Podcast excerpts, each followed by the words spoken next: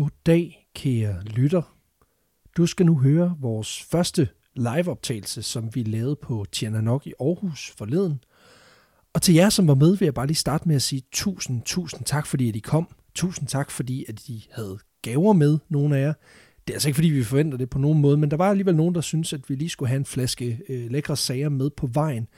Så tusind tak for det, og tusind tak for den vanvittige energi, som øh, I bragte ind i showet. Det er noget mig og Peter, vi øh, har snakket enormt meget om, at det har været en fuldstændig sindssyg oplevelse, og øh, vi er bare pisseglade for al den energi og al den, den glæde, der ligesom er blevet, blevet vist os øh, på vej ud i det her eventyr, så det skal I alle sammen have tusind, tusind tak for. Det var som sagt et testshow, hvor vi ligesom skulle prøve det her format af og finde ud af, hvor vi kan forbedre os, inden vi øh, tager ud på de her lidt større shows, som vi har planlagt. Øh, vi skal til København 1. marts, hvor vi har to shows, og så øh, har vi selvfølgelig også vores øh, lidt større show i Musikhuset i Aarhus den 19. april. Og det var sgu meget godt, at vi lige fik det testet, fordi øh, jeg kan lige så godt sige det som det er. Vores øh, hovedmikrofoner, vores lydsetup satte simpelthen ud efter 5 minutter, så øh, der blev den simpelthen tør for strøm, vores recorder. Så øh, på trods af, at vi har 50 episoder under bæltet, så er vi stadig ikke de skarpeste på teknikken. Derfor er det, du nu skal høre, det er optaget på vores backup-mikrofon, som øh, stod placeret nede bagerst i salen. Så man kan sige, du får jo sådan set lyden af at have siddet øh, et sted i salen, men øh, kvaliteten er grænsende til det redderlige. Øh, det er sgu ikke det fedeste, men øh, vi besluttede os for, at det var bedre end ingenting. Og fordi vi ligesom gav lidt op på den her optagelse undervejs, så refererer vi altså flere gange til, at det her jo selvfølgelig ikke bliver udgivet, men øh, nu gør vi det alligevel, så vi giver det skulle lige et skud. Jeg håber inderligt, at du vil nyde den her optagelse, på trods af alle de ting, der er galt. Der er noget rumklang, vi kan til tider være lidt svære at høre, der bliver klappet en del. Det er jeg overhovedet ikke øh, ked af. Hashtag sorry not sorry. Og der er selvfølgelig også lidt hak i lyden hister her. Det er helt klart ikke den bedste oplevelse, og det er jo noget, vi går enormt meget op i, at lyden den skal være spidse, og det er den virkelig ikke her. Men øh, vi laver jo også testshowet af en årsag. Nu ved vi i hvert fald, hvad vi ikke skal gøre. Og inden du får lov til at høre dagens afsnit, så vil jeg lige slå et hurtigt slag for vores samarbejde med Zetland. Zetland er det her lille netmedie, som, øh, som vi har indgået et samarbejde med, fordi både Peter og jeg er enormt meget fans af, af deres journalistik, af deres tilgang til, øh, til, hvordan man kan drive et medie. Så det synes vi simpelthen bør støttes, øh, hvor det kan lade sig gøre. Og øh, Zetland tilbyder simpelthen et øh, samarbejde, hvor vi begge kunne få noget ud af det. Helt konkret, så er det jo et netmedie, der øh, er anderledes i den forstand, at de laver ikke, øh, de udkommer ikke med lige så mange historier som så mange andre medier, der er på nettet, men til gengæld, så er kvaliteten, den er enormt høj. De journalister, der er ansat, de gør et seriøst godt stykke arbejde, og de leverer historier øh, på alt fra de store dagsordenssættende historier til de helt skæve nischer. Øh, det er velresearchet, det er velskrevet, og så er det faktisk også indtalt, så du kan høre dem i, øh, i appen eller på deres hjemmeside. Og det betyder også, at du lige kan få, øh, få tykket dig igennem et par artikler, mens du sidder i bussen. Det kan være, at du lige har lyttet til et afsnit af Vanvittig Verdenshistorie og tænker, nu skal jeg lige have et skud nyheder eller et øh, skud indsigt på en anden måde. Hvis du har lyst til at give Zetland et skud, så kan jeg kun anbefale, at du gør det via linket zetland.dk-ausburgrocks, fordi så får du simpelthen de to første måneder til en flad 50'er, simpelthen en Vejgaard dollar, og øh, det er en væsentlig reduktion i forhold til normalprisen. Og hvis du gør det, så sender Zetland simpelthen 200 solide danske bobs videre til os. Og det kan jo godt virke lidt mærkeligt, at øh, Zetland giver os 200 kroner for hver gang du bruger en 50'er. Men det er simpelthen fordi, de tror nok på deres produkt til, at de siger, jamen hvis du har prøvet vores produkt i to måneder, så bliver du højst sandsynligt hængende. Det gør jeg i hvert fald, og øh, jeg kan virkelig kun anbefale, at du øh, i hvert fald som minimum giver dem et skud. Og de penge, som Zetland jo så betaler os, det er altså også virkelig noget, der hjælper os fremad. Og det gør det, fordi at vi lige pludselig har råd til at købe alt fra lidt nyt grej. Vi kan betale vores hosting, og så kan vi efterhånden også lige så stille begynde at frikøbe noget tid. For det er jo sådan, at den her podcast, den har ligesom grebet lidt om sig, og øh, det er jo takket være dig, kære lytter. Øh, der er en 10.000 af jer, der følger med hver uge, og det betyder også, at vi kommer til at bruge en, en signifikant del af vores dag på at tænke på vanvittig verdenshistorie. Og øh, vi har trods alt også andre ting i livet, så vi er nødt til ligesom efterhånden at prioritere og sige, nu gør vi. Nu er vi i vanvittig verdenshistorie mode. For eksempel så sidder jeg pt. klokken halv et om natten og optager det her. Og øh, det skal jeg på en eller anden måde også kunne forsvare over for min familie, så derfor er det bare fantastisk, når der lige så stille begynder at komme lidt, øh, lidt knaster i kassen til at, og kunne frit købe lidt tid. Jeg synes, du skal give det et skud, og øh, nu vil jeg ikke tage mere af din tid. Altså udover at du skal høre på mig den næste times tid, hvor du skal med på rejsen tilbage til Ruslands revolutionstid. Rigtig god fornøjelse.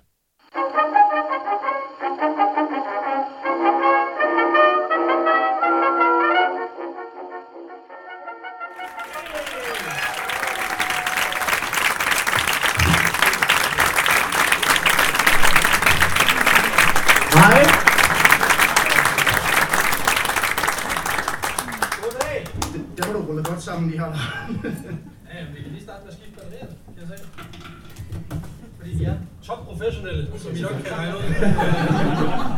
Var der nogen, der sagde testshow? Øh, Fedt. Tak fordi I kunne komme. Eller hvad kan man sige? For kæft, hvor er det vildt, at der er så mange, der har købt billetter til vores øh, lille øh, ting her. Vi er jo bare to gutter fra Aarhus, der har et, ja, en lidt underlig hobby, for helt ærligt. Øh, det var fordi, vi virkelig hader vores familier. og så er der så åbenbart nogen, der har en endnu underligere hobby i, øh, og, og simpelthen sidde og lytte til det. Så det, det synes jeg er meget fedt. De falder tilbage på jer, det skal I bare lige være klar over. Men, er, du, er du ved at være i gang dog, ikke? Ja, ja. Fedt. I ruller. Ja, jamen der er jo ikke andet at sige end velkommen til Vanvittig Verdenshistorie live.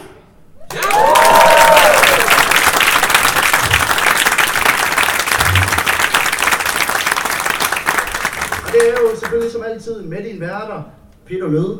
Og Alexander Jakub, AKA, Werner von Braun! Det var lidt for meget, men det er fint. Vi har fået nogle klager over, at Alexander engang man går ind og, og, og, og lige piker i, i lydniveauerne. Det er ikke nogen af jer, der glæder mig. Nej, der bliver, der bliver Ja, rystet. det bliver rigtig slemt i det her afsnit, kan jeg godt fornemme. Det bliver skide godt. Øh, ja, vi er på Tierna nok øh, til dem, der... Det ved I godt, jer der er her. Øh, Der sidder tre nede bag. Ja, ja, ja. der sidder otte mennesker nede på bodegaen. Starter de snart? Eller, øh, men, øh, Han er godt blevet tyk, ham der, der, synes jeg. til, til jer, der lytter med derhjemme, vi er på Tierna nok. Der er sådan en, en, en irsk bar i, øh, i Aarhus. Øh, de har noget live musik. De har, de har et pizzeria herinde. Øh, Jeg troede på et tidspunkt, at teknikken var ved at brænde sammen. Det viser sig simpelthen. Det er fordi, der er pizza. Ja, Jeg kan ikke, jeg dufter helvede til, åbenbart. og vi er, vi er små 70 mennesker, og det, øh, jeg må indrømme, jeg har, jeg har personligt i hvert fald været lidt nervøs omkring det her med, hvordan skulle det gå, lidt præstationsangst og sådan noget, også fordi jeg har ligesom tænkt det der med, øh, vi har selvfølgelig gjort det, det her 50 gange før, vi har udgivet små 50 afsnit, så vi gør jo egentlig bare det, vi plejer. Men øh, sådan har jeg det også lidt med sex, altså der har jeg også gjort det virkelig mange gange. Der er heller ikke præstationsangst, men hvis der var 70 mennesker, der kiggede på og lige Åh, det, det ville være lidt stramt. Men øh, det kommer simpelthen til at foregå, så vi kender det. Øh, vi har ikke rigtig ændret på det. Vi har, øh, vi har en historie med i dag, som vi skal, som vi skal snakke om. Vi har øl med, og så optager vi selvfølgelig et afsnit, der udkommer på søndag. Håber vi. Fordi teknikken har fucket med os hele aften. Ja, Men øh, vi skal lige have noget øl i klassen. det skal vi nemlig. Så øh, jeg går lige i gang med at åbne her. Ja, og jeg kan fortælle lidt om, at jeg har taget glas med. Nej, der står Tierna nok på. Øhm, det, det ligner et vinglas. Jeg, jeg, jeg ved ikke, hvad med jeg skal sige. Jeg ved aldrig, hvad jeg skal sige til sådan noget. Det er altid... Øh, nå, Nej, og når, når du drikker øllen, så skal du bare sige, den smager godt. ja. Fordi det er det, du plejer, alt er godt. Og Og så snakker jeg altid lidt om etiketten, ikke? Og det Ja, er, lige det er også godt. Og vi snakker om en... Har I, øh, øh, har I alle sammen øh, herinde... Øh, Har der var, der var øl? en, Ja, og der bliver holdt op der, hold der op, og der er en med otte fade nede bag. Super.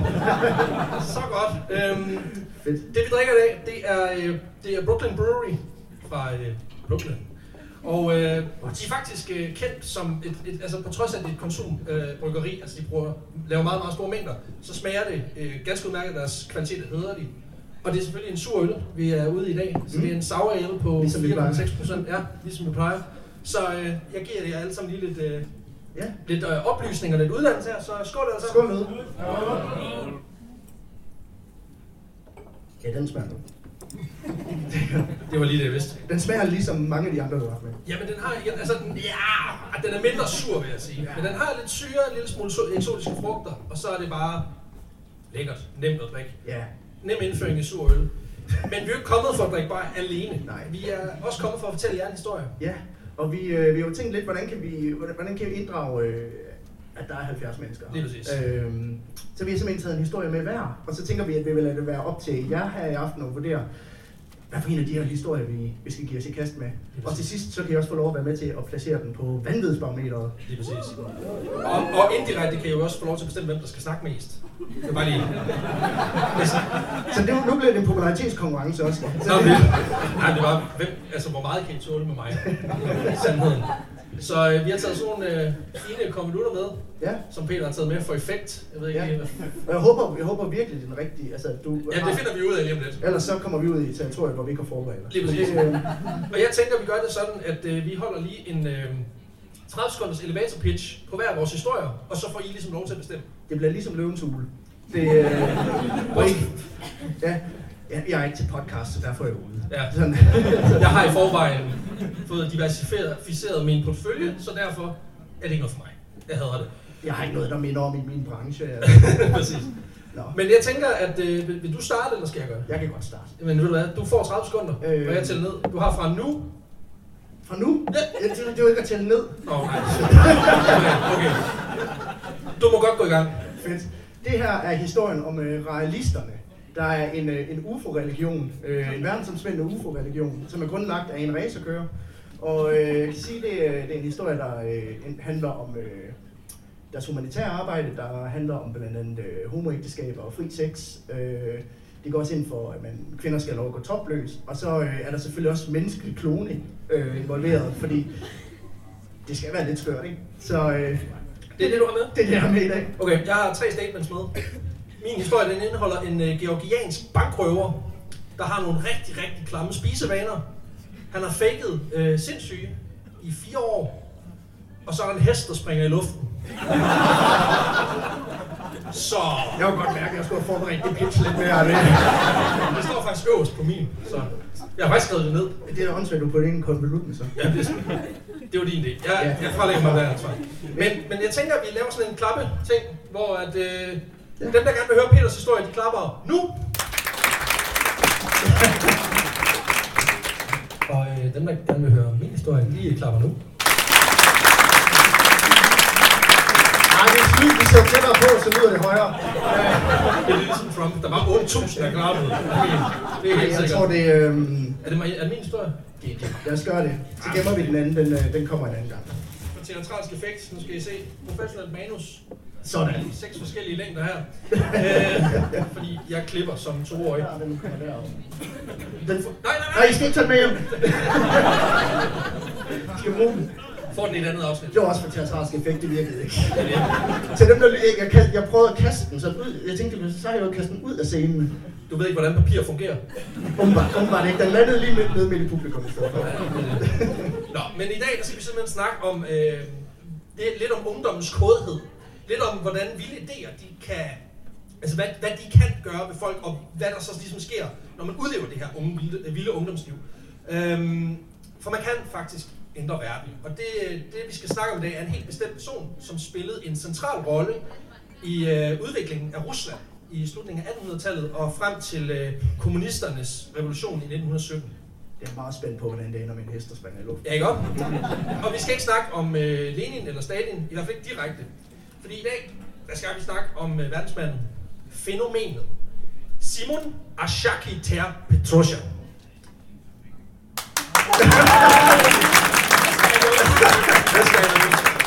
Øhm, det er ikke det mest mundrette navn, men det fikser de faktisk selv i løbet af historien. Det er ret smart, så jeg støver for Nå, at sige øh, Simon Ashaki Ter vil jeg faktisk sige, i min historie, der var der også en, der skiftede navn også til noget mere mundret. Så, Jamen, det er jamen, ligesom Cher. ja, som alligevel hed- forkert. Jeg siger det bare. Men det, Simon han bliver født i 1882 i den georgianske del af det russiske zarrige, og øh, han bliver født ind i en velhavende fa- fa- familie, hvor faren han er en øh, succesfuld armensk entreprenør, og moren hun er øh, fra Georgien. Og det er det, vi ved om moren, fordi sådan er det. at være kvinder kvinde var i- ting. Jamen, altså, det er jo tilbagevendende fænomen, at det er omkring lige den der eller, den tids, tidsperiode der, der, nej, der er ikke så meget der. øhm, han vokser ligesom op i, i, i en, en tid i Rusland, hvor der er rimelig store øh, omvæltninger. Den øh, industrielle revolution er på vej igennem øh, Rusland på det her tidspunkt. Og, og man kan sige, der opleves også et generelt økonomisk løft. Øh, så så der, der sker rigtig, rigtig mange ting i det her samfund. Øh, men det er også en barsk tid at vokse op i, og det gør også, at den unge Simon her, han meget tidligt udviser, han ligesom er, han er ligesom klar til den her lidt øh, hårde, øh, det her hårde liv, fordi han udviser aggressiv adfærd fra, øh, fra begyndelsen af livet, kommer ret tit i slåskampe. Han er helt fra fra, præcis. Øh, allerede fra 4-6 års alderen, der begynder han at udvise øh, aggressiv adfærd og begynder at slås. Ja, ja. Og han ved, i kommer, børnehaven, der får de bare test. Jamen det er det, og han kommer, han kommer tit hjem rimelig gul og blå, fordi han har været oppe og slås med venner og uvenner i nabolaget. Og ja, der, nok mest uvenner. jamen, nej, fordi en af mine kilder siger at også, at han, han også havde en tendens til at slås med sine venner. Så jeg ved ikke, hvad han har af, af, af shit kørende for sig, men han skulle i hvert fald tage, tage hans lapper. Okay. Øhm, han, ja, han er en uh, praktiker. Han er ikke ligefrem den boglige type. Uh, og selvom forældrene rent faktisk prøver på Det kan man også godt lidt høre på, han slås med jo, alle. jo, præcis. Men altså, nu, nu giver vi ham en chance, Peter. Nu må du simpelthen lige... Øh, hans forældre, de betaler i hvert fald på et tidspunkt for at få en privatlærer til at lære ham russisk. Øh, både i skrift og tale, men det lykkes på ingen måde. Og øh, det, er jo, det er jo ikke... Altså, det, det er sgu ikke lige det fedeste for ham, så... Øh, da han kommer i skole, der viser sig, at det her mønster bliver gentaget, og han oplever nederlag på nederlag, og begynder ligesom også bare aktivt at skride for timerne. Hvilket jeg synes er bold move, som syvårig. Bare sige, fuck this shit, I'm out, og så bare gå sin vej. Jeg har nogle venner, jeg skal slås med. Ja, præcis. præcis. Jeg en kamp her kl. 14, så ved jeg, jeg, jeg skal også lige varme op, og mine knor, de skal lige herligt, jeg slår mod bræt og sådan noget, så det er fedt nok. Øhm, han bruger tiden ude i det fri, ude i Jeg kan også virkeligheden. forestille mig, at der har været til det der, altså det der, Det første det, ved, det MMA. der, hvor forældrene skal ned, og så skal de lige fortælle dem, hvad det er, de laver. Og det, det har været super pinligt for ham. Så har hans far været der og fortalt, at han var, hvad var det? han var? Armensk øh, entreprenør. Ja, jeg er entreprenør. Fuck hvor fedt. Så hans mor har været der. Jeg fucker okay. Ja. Og så han har ikke tur møde op efter det. Nej, men han er, han er der jo ikke. Så de har bare skulle fortælle fra oh, hans klasse der, ikke? Øhm, han begynder at skride fra, fra timerne og bruger tiden i det fri på at gå rundt i skovene og i, i områderne omkring den her by, han vokser op i. Og så stjæler han lige lidt hister her, ikke? Igen 7-8 år gammel. Og når han ikke stjæler eller bare føjter, så øh, tager han ud og fisker og hygger med det. Øh, der går Det, det, var- Hvad? det, jeg synes bare, det, er- der er en, altså, det er jo en meget afslappende hobby. Det er jo et favorite pastime, når man... Og så er han sådan, ah, i dag overgår jeg ikke at slås. Det, øh, Jeg, jeg kan ikke stjæle mere, jeg kan ikke slås mere, jeg skal ud og fiske. ja, Jeg skal ud og have noget. jeg trænger til ro. Ja, det er sådan, han bringer sig selv i send, tænker jeg. Øhm, men det, der går tre år, så bliver han smidt ud af skolen. Og øh, allerede tilbage, da han startede skolen, der var omkring de syv år, der foreslår hans bedstefar, at han bør øh, blive sendt til den lokale øh, hovedstad, øh, der hedder Tiflis, som i dag hedder Tbilisi, som er hovedstaden i Georgien. Og der skal han studere teologi og blive præst, ligesom bedstefaren var det. Og I kan jo godt høre, at han har alle forudsætningerne for at blive en god præst. Han er sådan, altså han er en håndfast type, så, så det, det er virkelig noget. Han, Jeg tænker, ja, han er der meget passer han hands-on. Han er hands-on. Det er også meget fedt, når, når du siger, at han er praktisk begavet. Jamen jeg tænker, det er meget smart med lidt gudfrygt, når, når, når, nytter- når knytterne de sidder lidt løst. Ikke? Øhm, da han ryger ud af skolen, det er der hans mor tænker, okay, fuck it, så er det præst. Altså du kan, ikke- du kan ikke tale sproget, du kan ikke skrive for shit, du stjæler ting. Men tro på Præst. Gud, det kan du. Præst. Den 100 præst. Ja. Øhm, noget af det sidste, han får med sig, inden han rejser til, til, Bli- øh, Tiflis, som jeg kommer til at kalde øh, øh, hvad byen på det her tidspunkt, det er det, den hedder. Øhm, der får sådan en mærkelig fucked up afskedsgave i byen, fordi det han lige får lov til at overvære, inden han smutter, det er en offentlig henrettelse.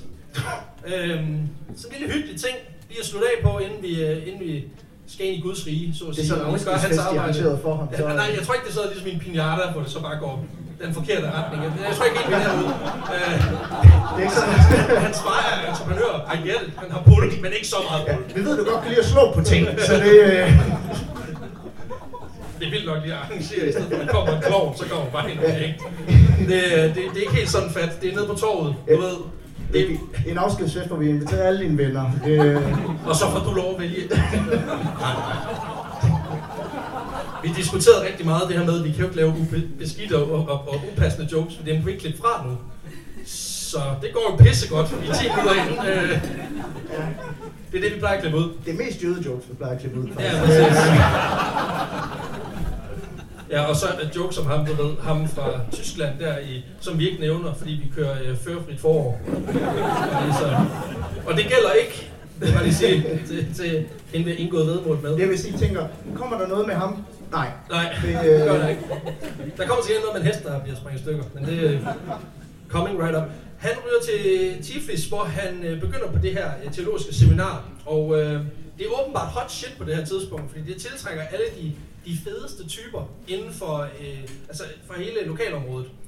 Og øh, i hvert fald hvis man er russisk ortodox troende, der er, der er altså det fede. Og øh, det er i hvert fald det, Simon han siger, øh, ifølge et citat, jeg fandt øh, fra ham. Og øh, det er ikke Gud, han finder på seminariet, det kan vi godt afsløre med det samme, fordi at, øh, det er ikke en religiøs forstand i hvert fald.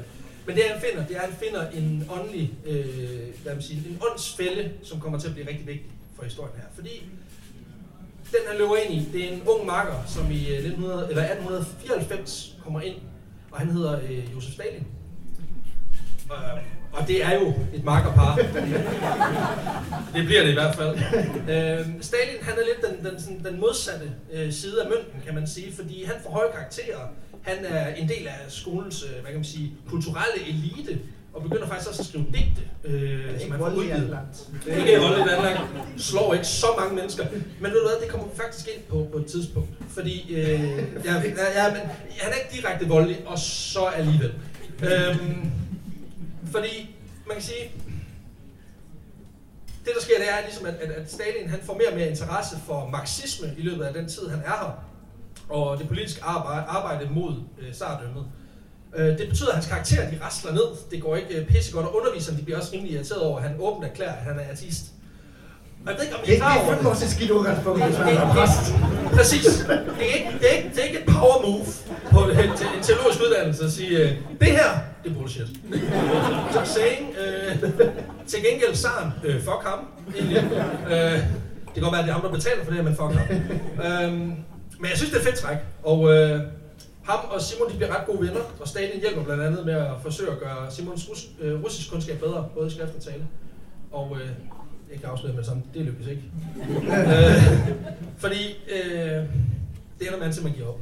Stalin siger, det, fuck det her, du er bedre til andre ting, tror jeg. øhm, Åbenbart. Ja, fordi, men, men udover den tid, han ligesom bruger på at læse øh, basisk grammatik og sådan noget, så hjælper han også med at indføre Simon her i øh, socialisme og marxisme, og de bonder ret meget over de her teorier om, at man ligesom kan sige, at, at, at altså, vi, skal, vi, skal, vi skal mødes sammen og skabe en fælles fremtid. Det er noget, det, det er noget Simon kan forstå. Øh, og, og grundstenen er ligesom lagt til det her politiske eventyr, vi alle sammen skal ud på. Og det bliver rigtig Det bliver rigtig øh, I 1899 der bliver Stalin smidt ud af skolen, øh, fordi han mister sine eksamener. Og så ryger Simon også kort efter, jeg ved ikke, hvordan det lykkes ham at blive på en skole længere tid, Øh, især når man tænker på, at det ikke kan det er, sådan, det er sådan der sidegevinst, når man, øh, når man bliver bortvist, så, jamen, så er du også ude. Derfor er jeg også ude. jeg troede alligevel ikke på det, så det skal I ikke tænke på. Nej, det er jo det, og man kan sige, at livet som præst er måske heller ikke lige den retning, de to gutter, de skulle i. Nej, øhm, nej. nej, men Stalin, han har nogle kontakter, og øh, det han så gør, det er, at han har meldt sig ind i en masse hemmelige socialistiske bogklubber på det her tidspunkt, og studiegrupper. Og øh, der, der, der følger Simon naturligt med, og det er så ligesom der, de bruger deres tid. Og i takt med, med tiden går, så organiserer Stalin flere og flere af de her studiegrupper, og får faktisk også engageret en del protester 1. maj, og øh, det, det lugter lidt af sådan noget 3. G, synes jeg. Ja. Altså, vi kender alle sammen typen med skovmandskjorten, partisaner tørklædet fra, øh, fra studietiden. Og jeg tror, det er sådan, det er sådan Stalin har været dengang. Øh, og det viser sig, at Simon også er en del af det arbejde. Jeg har faktisk et billede af Stalin, da han var ung, og faktisk en rigtig flot fyr. Ja, det, ja, det er han, og, og psykopat også. Øh, Nå ja, ja, ja, ja, ja Legendarisk overskæg til gengæld. Men charmerende. Charmerende psykopat. ja. øhm, Simon fylder naturligt med ind i det her arbejde for en, en, en bedre fremtid. Og det er så også her, man kan sige, at, at det viser sig, at han er rigtig pligtopfyldende over for det her koncept. Han følger sådan set bare Stalins øh, retning og er, er, er virkelig på her. Øhm, og han havde egentlig flyttet Simon med tanken om at blive officer her. Øh, fordi jeg tror godt, han kunne lide det der med år, og du ved, du skal skyde nogen, og alle de der fede ting, der er her. øhm, men, men det bliver skudt til side, simpelthen for at hellige sig det her arbejde. Det bliver skudt til side? Det bliver skudt til side. Fedt. Fordi han gerne vil revolutionere, ikke? Øh, og det hjælper heller ikke på, at hans far bliver erklæret øh, personlig konkurs, og det betyder, at han ikke længere kan, kan man sige, han kan ikke længere få støtte hjemmefra Nå. af den her rige far. Øh. Var hans mor stadig i Georgia? Ja, ja, altså hun... Godt nok. Ja, ja.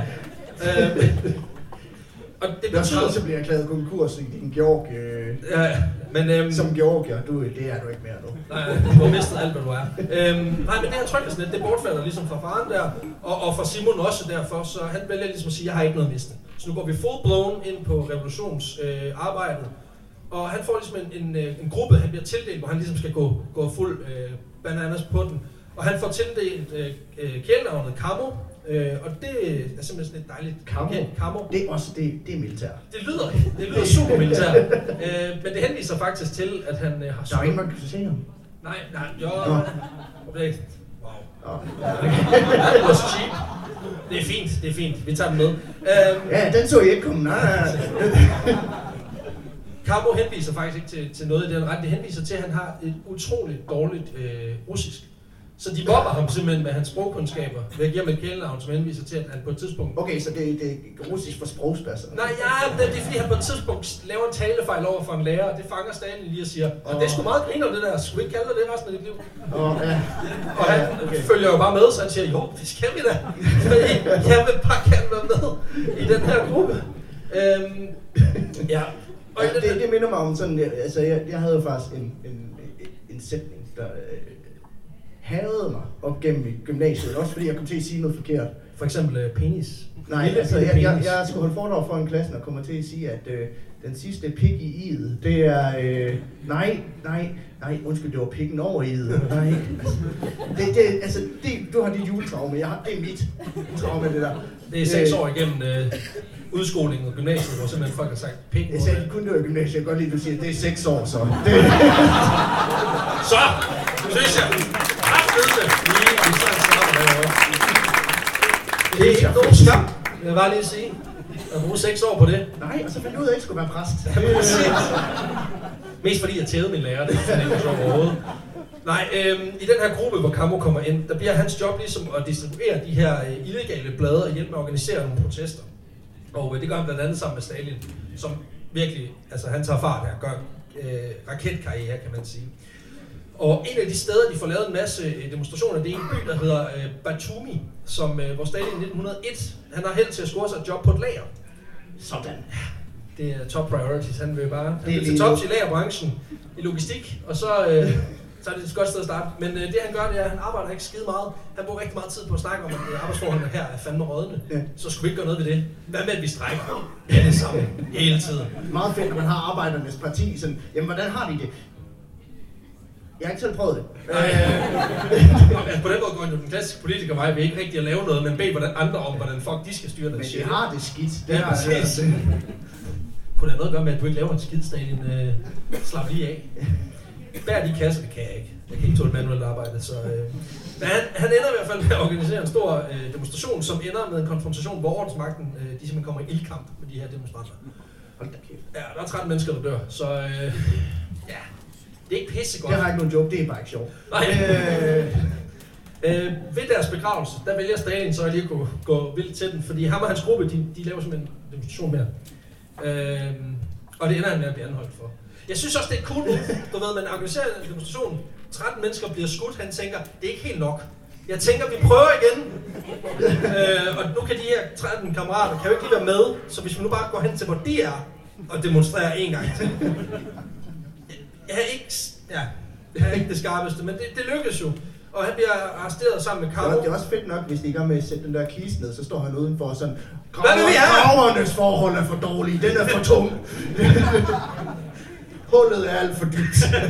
Han er på alle sider, kan man sige. Ikke?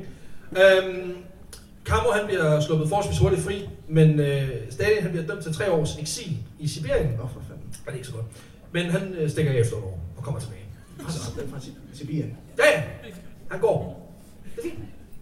Nå ja, sådan er det. Men ja, det er jo selvfølgelig bare verdens største åben. Du kan bare gå. Altså, Nå, men det kan være, at du ved, går Matt Jack-vejen og bare siger, men øh, prøv at kigge derovre, så er han bare gået den vej. Så, jeg ved ikke, hvordan vagterne på sådan et, øh, et sibirisk øh, fangelejr, den er. Øh, det har jeg ikke lige fået tjekket.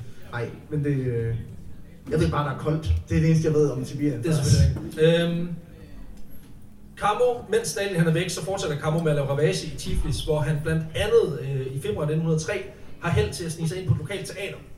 Og inde i det her teater, han skal dele nogle illegale blade ud, og så i stedet for ligesom bare at stå ude foran sådan øh, goddag, skal du høre, jeg kommer fra Socialdemokratiet, øh, her til en flyer.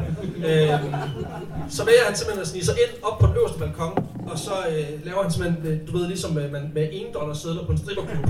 Sådan, let it rain, så er det bare propaganda let it rain, ud over det der teater. Øhm, og det er ikke skide glade for, øh, politiet, fordi ja, de stormer bygningen. Øh, for at ud af, hvem fanden er, der, der har kastet øh, propaganda ud over Men det der hele. er sådan et skovsvin, der smider papir over det Ja, præcis.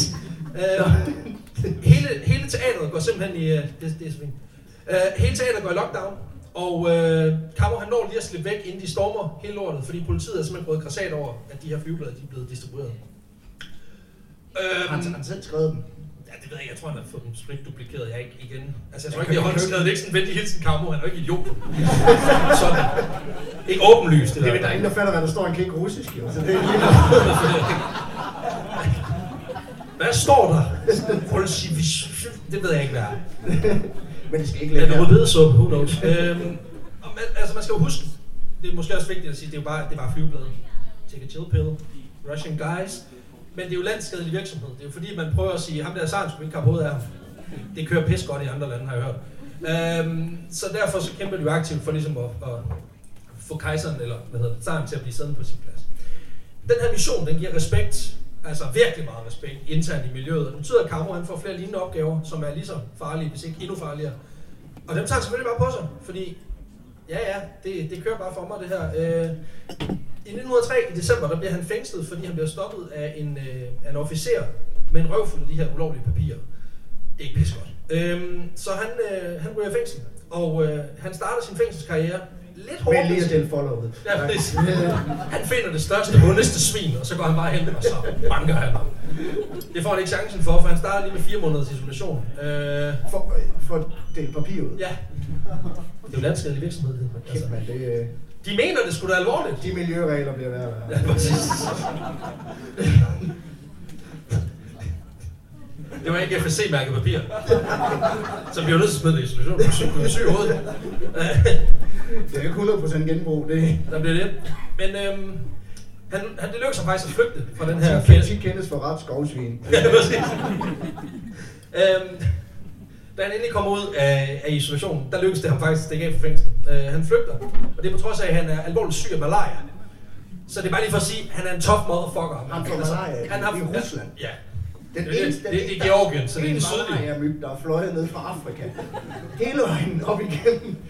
For at stikke ham, og så dø af kulde. Lige ja, ja. bagefter. Altså, det var også det var en Jeg myg. ikke, man kunne få malaria i Rusland. Det, nej, det, er det er Georgien, det er den varme del af Rusland. Det er jo sydpå, ja. men stadigvæk. Ja, det er jo Ruslands Costa del Sol, det er klart. Det tror jeg. Det, uden, at, uden at have været der, så tror jeg, det er der, man skal investere næste gang. Man skal, Sunny Beach. Men han stikker i hvert fald af, og øh, den springtur, han tager over hegnet, den beskriver han senere som den ultimative frihedsfølelse. Og, øh, og det er ligesom også her, øh, den adrenalin-junkie, han kommer til at blive, øh, den starter. Fordi lige om lidt, så går det amok. Fordi øh, i 1905, som er et par år efter, der er den her utilfredshed, som, øh, som Stalin, Kammer og de her bolsjevikiske venner, de ligesom har i talsat gennem deres demonstrationer og propaganda, den har bredt sig til en stor del af Rusland. Og det betyder også, at, øh, at sammen med, at russerne de taber den russo-japanske krig, at øh, der i januar 1905, der udbryder simpelthen, hvad der senere bliver kaldt den russiske revolution i 1905. Og det er lidt mærkeligt, når man tænker på, at, at den hedder af 1905, men den var i to år. Det kan jeg ikke lige forklare, men, men den må have Det taget... er ligesom 100-årskrigen, der var 83 år. Ja, ja, præcis. De kunne ikke tælle, og de kører, det er også noget mærkeligt for de kører efter en anden kalender, så de starter faktisk øh, øh, i året før, eller sådan, det er, det er helt. Man runder, man runder, det er sådan, man runder bare lige op, så lyder det lidt værre. Ja, det, det må jeg det. Ja, det var kun 83 år, men det føltes som 100. Ja. Det er fordi, det var koldt, og det var Rusland. Altså, alting føles jo som længere tid, ikke? Ja, det var kun i, i 1905, men Ja. det var koldt. Øhm, Så der smed vi lige halvanden år oveni, det gør vi da. Og øh, i løbet af den her tid, der er der talrige af de her revolutionister, der kommer ligesom med til at, at, at starte og forme det Rusland, der så senere bliver, øh, bliver fritsat af den her kejser. Og der kommer også flere sådan prominente navne til, udover Stalin, Lenin og, og, og Karmo, øh, som faktisk på det her tidspunkt er i samme gruppe. Vi kommer også til at møde folk som øh, Viktor Tjernov og, og øh, Leon Trotsky, som ligesom også, øh, det er ligesom dem, der driver den her revolution. Og det er også dem, der senere efter, at, at kejseren, han, eller øh, zaren, han forsvinder, der er det også dem, der ligesom er med til at, at opdyrke, eller at stære, og, og, bygge, og bygge Sovjetunionen op.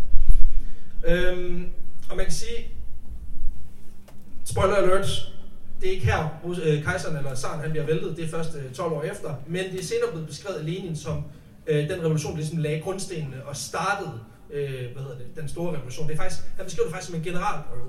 Og jeg kan godt lide, at man lige har taget sådan en lille Det er, test. det, det er deres test, Det er deres session. altså, de har lige tænkt, ved I hvad? Vi prøver lige en gang til, og så kan det godt være, at lyset lige går, og du ved, mikrofonerne ikke virker. Men, men så ved vi, hvordan det er. Og så er du klar til at spille rollen. Du er klar til at hoved, hovedet lukker. Nej, det bliver siddende pis. Godt, vi prøver igen om et par år. Så kan man glæde sig til om 12 år, når vores revolution Når toren ikke kommer. ja. Øh, og det er også med til at skabe, altså den her revolution er også med til at skabe øget opmærksomhed og interesse for bolsjevikerne og deres sag. Øhm, den her revolution er Kamo ikke selv en særlig stor del af, fordi at han øh, bruger ikke sin tid i front.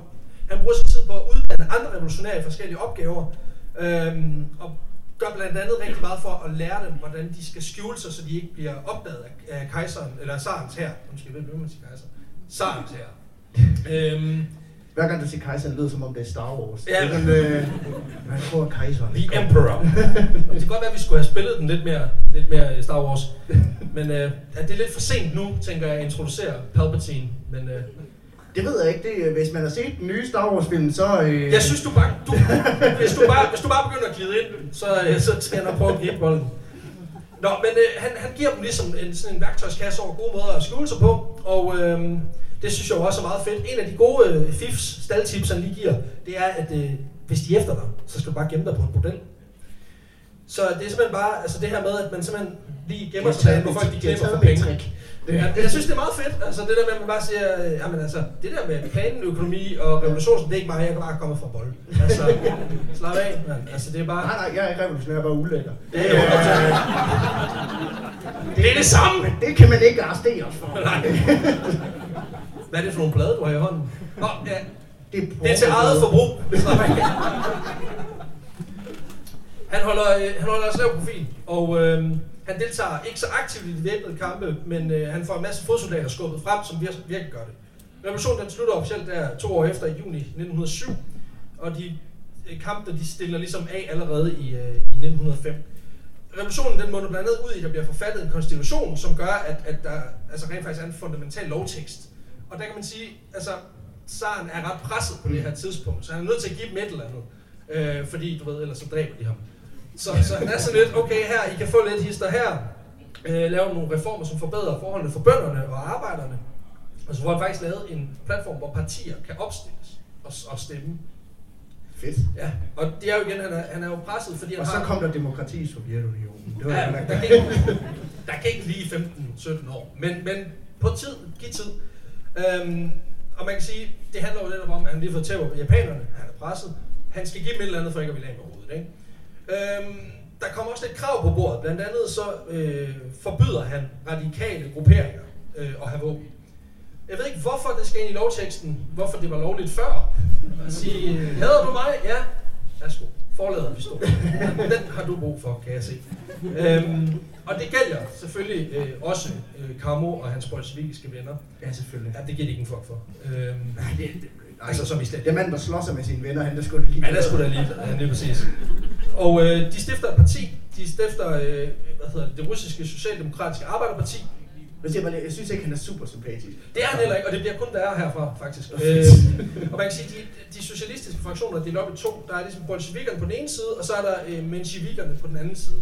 Ja. De stifter så fællesskab, i fællesskab det her parti. Og Jeg øh, jeg kan godt lide, at man kan tænke sådan Stalin. Ikke, øh, ikke, han var ikke perfekt. Dumt svin. Ja, dum svin. Lidt morderisk. For at sige det vildt. Og så er du lidt sådan, ja, så skal du have hørt om hans venner. De, Hvad er det for et crew, han hænger med? Altså, de er bims. Øh, der er var så, nogen, der havde en dårlig indflydelse på ham. Og man kan sige, selvom at, at, at de indgår den her pagt og egentlig godtager forholdet, så, så, så ender de faktisk med at sige, ved du hvad, altså Kammo og hans gruppe i hvert fald, de siger, fuck jer, vi kommer ikke til at opgive de der våben. Øh, og det er ikke så godt. Jamen, det skal øh, ind om, så skyder vi. Ja, det er fordi, det der nemlig sker, er, at kommer ud i en konfrontation simpelthen. Fordi at Kammer og hans, øh, hans gruppe her, øh, de har et øh, hovedkvarter, sådan en rigtig bølle hovedkvarter i Tiflis, hvor de er ret godt organiseret, og øh, de er klar til at forsvare sig. Og det er så her staten, de vender og øh, vælger at sende øh, en hær ind, ledet af en general, som i en, øh, 31. januar 1906 indtager øh, arbejderdistriktet i byen. Og øh, de får fanget en masse bolsjevikker, inklusive Kamo, som på det her tidspunkt øh, har tabt pusten lidt, fordi han er blevet skudt mange gange. ja. Jeg hørte også jeg hørte en, øh, en, en, en, en meget øh, højorienteret, øh, sådan lidt redneck-type øh, fra, fra USA. Nå. Fordi man snakker omkring det her med at, med at afskaffe våbenloven derovre, eller i hvert fald gå ind og revidere den. Hvor han så også udtaler på, på live tv, If they come to take my guns, I shoot them all. Hvor det, er jeg, jeg synes, det er meget fedt, fordi han, han forklarer både, hvorfor at man skal afskaffe våbenloven, men også hvorfor, at det er pisse svært bare at tage våben fra folk. Det, det, Det kunne jeg nej. godt meget godt lide, at fik både talt for og imod på samme tid. Det, det, det synes jeg var super fedt. Han får det bare vist, at det er en kompliceret ting. Altså, det der med at tage våbnet fra psychos, der har jamen, automatvåben er også gode ting at give til sådan nogle typer som ham. Det ved vi jo alle sammen. Nå, men øh, han bliver smidt i fængsel, Kamo, øh, med skudsår hele lortet. Igen. Ja, og det er så, ja ja, øhm, han får tæsk nu i fængslet. Nej. Åh, oh, det har han prøvet før. Men han får, altså, mange tæsk. Nå. Altså, altså rigtig mange tæsk. øh, han bliver faktisk tortureret ja. øh, af kosakkerne. øhm, ja. øh, Det er rimelig mange tæsk. Ja, det er sygt faktisk. Og øh, de, de skal bede om nogle informationer øh, på øh, de der øh, folk, han har i gruppen. Altså Stalin og Lenin og de der andre søde mennesker. Øh, for ellers så giver de ham flere tæsk. Og, øh, men han siger ikke skid. Øh, det gør han sgu ikke. Også selvom øh, de næsten skærer hans næse af. Altså, Åh, de går til bra på ham. De har entreret med sådan en, øh, en adelsmandstype, der hedder Manro Parsberg, lige om så lige vifter en gang. Ja.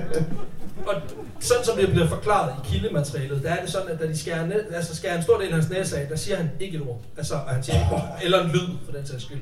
Han tager smerten i stillhed. Øh, I ved, ligesom blodørnen i Vikings, hvor man øh, bare skal holde kæft. Ellers så gælder det ikke. Øh, og jeg tror, han har... Jeg er ikke sikker på, han har set Vikings, men... Øh, who knows? Det har jeg heller ikke. Nej. så, Okay, snæver reference. øhm, ham, der, øh, altså Stalin, han får ligesom berettet øh, om den her tortur, og han har efterfølgende fortalt, at han er overrasket over, at øh, Kamo, han kunne holde til den slags. Øhm, han, han også. Men han også han, han, har, han har været vant til det også. jo jo, altså han er primet til det, kan man sige. Ikke? Øhm, og der går så Han ellers har hård hud på balleren, som vi siger. Ja, på næ- og på næsen og alle steder. Og der går ikke ret længe før kammeren stikker af igen. Og øh, det gør han ved at udgive sig for at være en anden. Jeg heller ikke har nogen næse. Goddag. Jeg hedder Igor, og jeg skal ud. Goddag.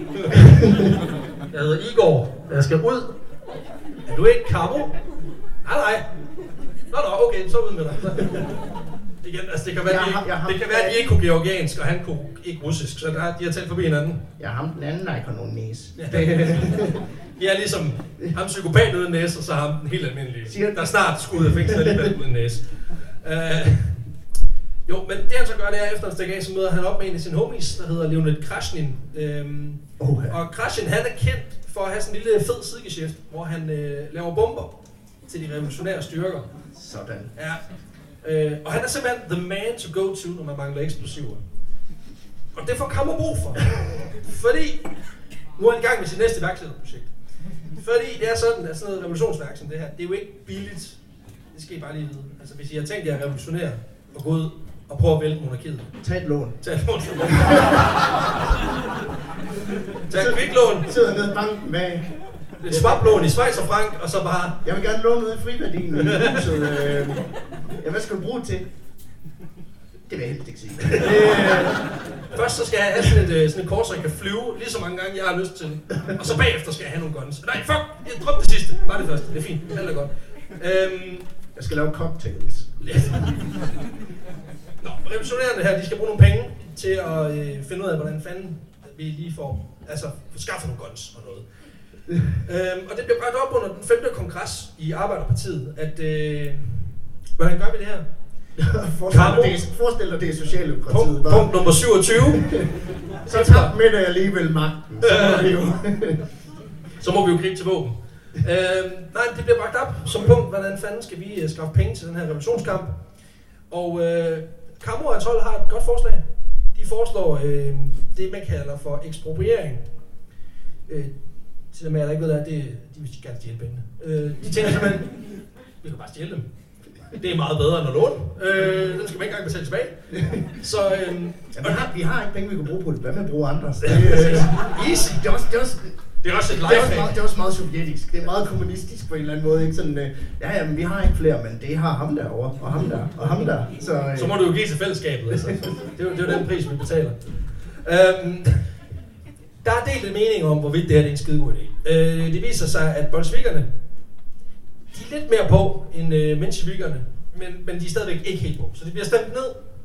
Men Lenin, Stalin, Karmo, nogle af de andre, de tænker, ja, de mener det jo ikke rigtigt. Så jeg tænker, vi gør det alligevel. Øh, og det er trods at der er 66 procent imod, og der er kun 6 procent for. Og jeg tænker, det må være de der, de der tre imod. øhm, ja.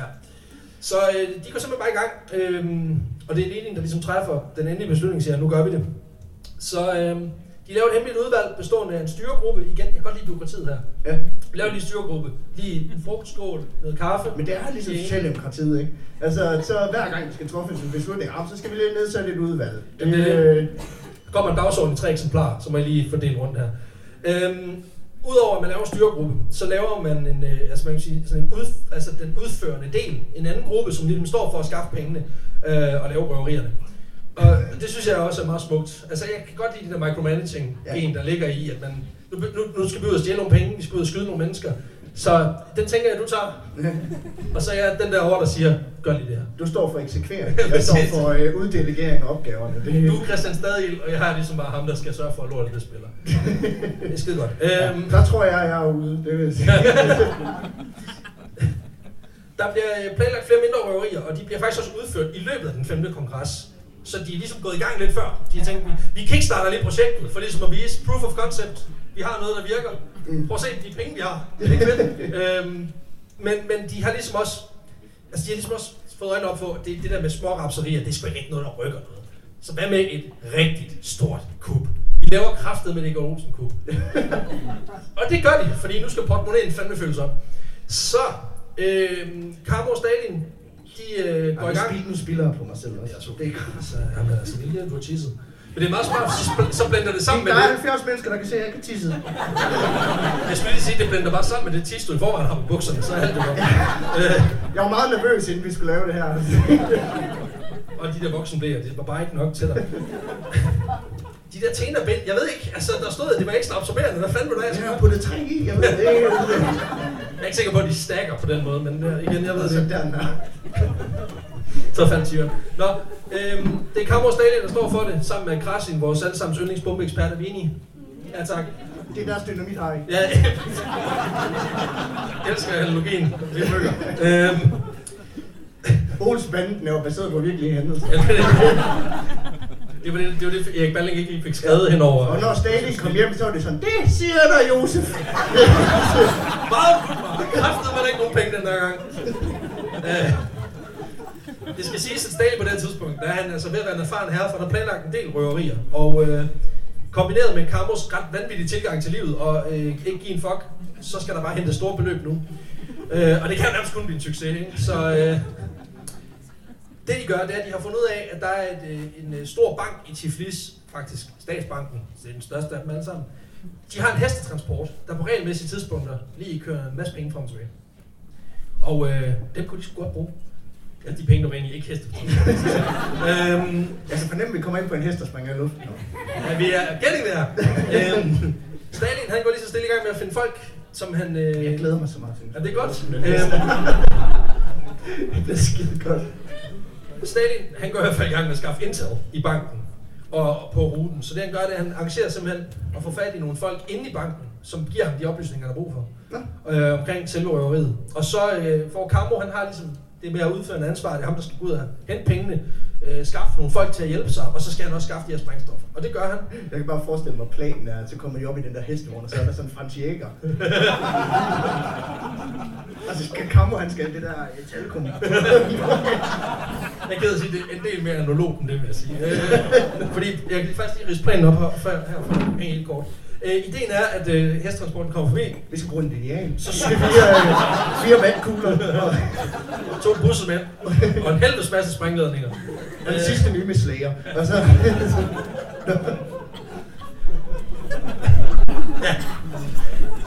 Og så en, en helvede af en LP-afspiller. Jeg kunne godt tænke mig at høre Raining Blood på sådan en gammeldags øh, optrækkelig LP-afspiller. Øhm, nej, planen er meget kort. Hestborgen kommer forbi. Øh, så springer vi ind i luften. Og så tager vi pengene. Og så løber vi. og hvis der er nogen i nærheden, så prøver jeg ligesom at, at undgå at fuck med den her plan. Så dræber det vi. er ikke en særlig økonomisk-agtig plan. Det, Nej, men igen, jeg kan godt lide det simple, at man siger, at det er det, vi gør. Jeg tænker, at vi tager Ja. pengene og løber, og så dræber vi dem, der ligesom er i vejen.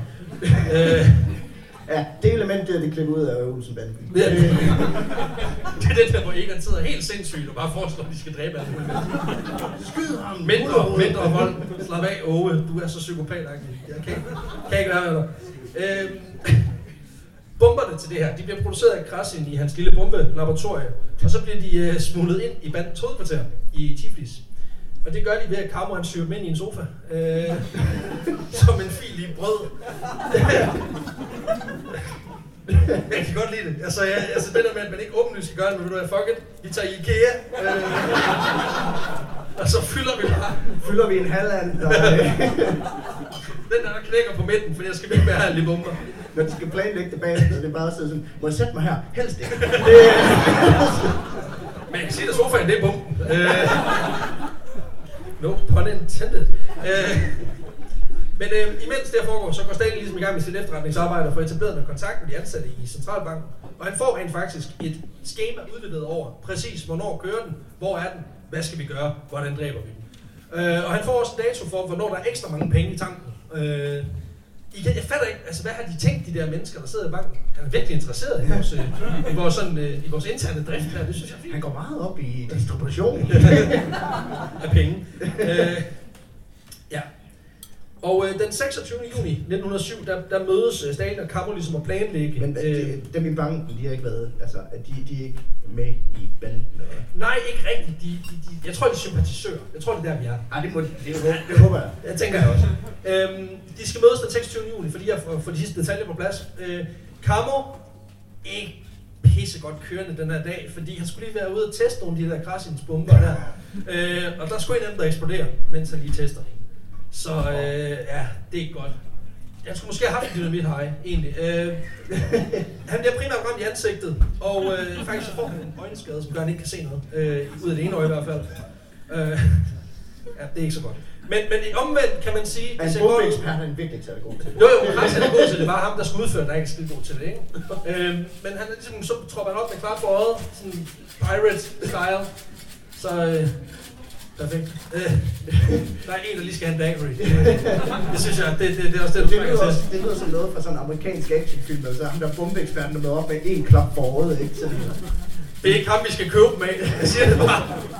Du køber jo heller ikke fyrværkeri af en mand med tre fingre. Altså, du, du ved, i Expendables, så står så er Sylvester Stallone sådan, we need bombs. og Arnold han bare sådan, yeah, we need them, we need bombs. øhm, og så kommer ham der ind, sådan, han har sådan en kæmpe kuffert, og en klap for øjet, så han bare sådan, look at this shit. Boy, boy do we have bombs. uh, det er lige meget. Kampo han giver ikke en fuck. Han er, han er for vild, så vi kører videre med planen. Uh, om formiddagen, den 26. juni, der er squattet klar til krig. Uh, 20 mand bliver stillet op på den her uh, store plads, der hedder Erivanski-pladsen. Og de bliver strategisk baseret. De bliver klædt ud som bønder, for ikke at, at vække opsigt. Mm. Øhm, jeg ved ikke, hvad 20 bønder laver på en, øh, på en plads midt i en, i en hovedstad, men altså, ja, det virker meget normalt. Det svarer til, at hvis der var 20 jyder inde på Rådhuspladsen, så, Præcis. så man bare blive, Og bare står og tripper og hænger lidt ud, øh, med, hvad med laver lidt for store lommer, og man tænker, hvad fanden? hvad laver alle de bundeknolde herinde? Det, Der er måske et eller andet, jeg tror, det er en, en flashmob måske, eller et eller andet. Og det er det. Øh, det er land og fritid, der har arrangeret noget. Det. Øhm, folkene her, de har simpelthen fået til opgave at angribe på et særligt signal, og øh, de skulle ligesom også registrere, hvor er øh, polisen henne, hvor er gendarmerne henne, hvor er alle de her øh, kosakker. Øhm, Der tænker man jo, at det der, jeg tænker bare det der tegn til angreb, det, det, det er et eller andet sådan, altså sådan noget ørn eller andet. Men, men nu ved jeg også bare, hvor, hvor, hvor, hvor meget down to earth de er. Altså deres plan er, tag pengene og løb. Så jeg ved også bare, deres plan, eller deres øh, angrebstegn, det er angreb.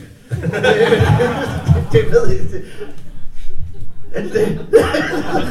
Den røde sky er på himlen. Hvad siger du? Kast granat!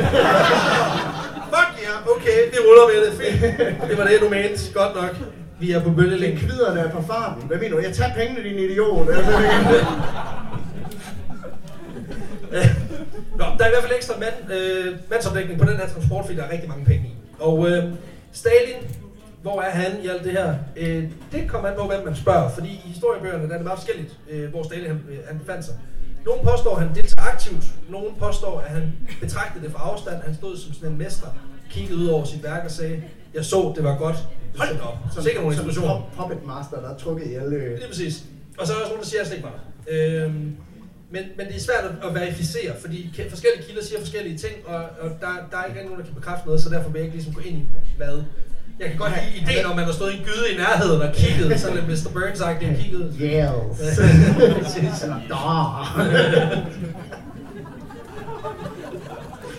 Er ikke det der på russisk? jo. Det er også det eneste, jeg kan. Jeg kan lige så meget som ham der Camo. Jeg synes, du mobber nu. Du skal være glad for, at han er væk, fordi han, altså, nævnet sidder løst, så han vil komme efter dig. Øhm, Det tør jeg godt sige, for han siger nok, han kommer bare. ja, Han er død. Håber jeg. Who knows? Nej, en ting er, at vi ikke ved, hvor Stalin var. Men Okay, ting vi er er, 70 mennesker herinde. Vi kan godt tage ham. det er vores boss. Du har ligesom det, vi har lavet, lavet sådan en human wave, så hvis der kommer nogen bagfra, så har vi lige et par stykker, der vender. Det er det. Bjarke, du vender lige og tager. Super. Det, det, der er det fede ved publikum, det er, det er jo bare et human shield. Ja. Så meget betyder I for os. Øh, åbenbart. Det, er for din regning. Nej, øhm, vi ved ikke, hvor Stalin var, men vi er 100% sikre på, hvor Kammo var. Fordi han har placeret sig midt i vandet. Øhm, han har fået øh, modsat hans øh, bundeudklædte kolleger, der han klæder sig ud i fuld kaptajnsuniform. Og så, øh, så kommer han øh, ankommer til pladsen i en stor karet i øh, sådan en statsmandsstil. Så han kommer bare, øh, they see me rolling, og Det har været, det, det har været sådan en temafest, hvor han er den eneste, der ikke har forstået, var tema. Det var ikke bundet til. ja. øhm, og det er faktisk en af de store styrker, det her med, at han er en mester ud i forklædning. Det har Lenin i hvert fald sagt. Og vi ved jo alle sammen, hvordan det vil være at have et personligt quote fra Lenin Ej, på okay, jeg har virkelig dårlig joke. Han, kom, han, kommer, Begynder du først nu? han kommer ind, så siger han, var det landmandstema? Jeg tror det var vandmandstema. Fuck for det. Ja, den fik, præcis, den fik præcis den modtagelse, den fortjente. Ja, okay. Ja, ja. Nå. Vognen, den ankommer til pladsen klokken halv 11. Og øh, den er godt pakket ind i bevogtning. Svært bevagtet øh, bevæbnede vagter foran vognen, oven på vognen, ved siden af vognen. En vogn foran, en vogn bagved, og der er kosakker på heste rundt omkring. Der er fucking mange vogne. Den her vogn, den er fucking strapped. Altså, det er som om, de ved, der skal ske et eller andet. Øhm, men uanset hvor strapped... Kan de vide, om der er banken, der har fortalt dem. Altså, man kan i hvert fald godt spekulere i, hvorvidt de har vidst, der vil ske et eller andet. Fordi der er fandme meget øh, mange folk. Men det giver kammerens folk ikke en skid for, fordi de ved, der er mange penge, og dem skal de bare bede om. Så øhm, der er en mand, der hedder... Er der nogen russere til stede? Nej, godt, så kan jeg ikke... Øh, en enkelt. Ah, fuck. Nå, øhm, så er jeg ked af det på hele dit folks vegne, når jeg siger jeg bare. Ja, Optageren, den optager ikke. det ved jeg godt. Den er ikke gjort i en time. Så det er eksklusivt til jer. Fedt. Skide godt, nu er også kun teaset for, at der kommer en optagelse. Vi finder ud af noget. Hvad kan vi gøre? Det er et testshow. Vi tester ting. For eksempel, hvordan det er at optage, uden at optage. Øhm, vi finder det. ja, det skal lige siges, det har vi faktisk prøvet et par gange, at vi ikke har fået optaget. Øh, Og et par gange, hvor vi har gjort det modsatte, hvor vi har optaget, når vi ikke optog, og ikke optaget, når vi troede, vi optog. ja. Det giver Og så har vi tage det igen, så I, I altså når vi er færdige her kl. 10, så skal I lige til. halvanden time. Ja, ja. Sådan lidt. Vi når til, at der er en mand, der hedder Bakwa Kuribashivi, der giver et signal. Og signalet er, at han kaster en granat. Fedt. Og så øh, går angrebet sgu i gang, fordi øh, det gør alle de andre også. Altså kaster Så får granater. en granat tilbage. Nej, nej, nej. Nå, nå, de andre... Ja, ja, de her øh, revolutionære, de kaster simpelthen mere eller mindre synkront granater mod den her vogn. Trækker en røvfuld øh, gevær og pistoler. Og så tager de sigte mod vagterne og begynder at skyde. Og ud af en lokal bar, som har front ud mod den her plads, Mm. der stormer så cirka også 20 revolutionære slags røvere ud med granater, våben, guns trukket og begynder at skyde. Øh, de har skulle lige kapret den der bar, inden øh, det hele gik i gang. Nå. Og de gæster, der kom ind på baren, de fik bare at vide, øh, I bliver lige her. Øhm, fordi lige om lidt, så går det ned, og I har det bedst ved at være her. Lige om lidt bliver der kun serveret molotov cocktails. Det, Ja. øh, Uh. nej, nej, det skal ikke.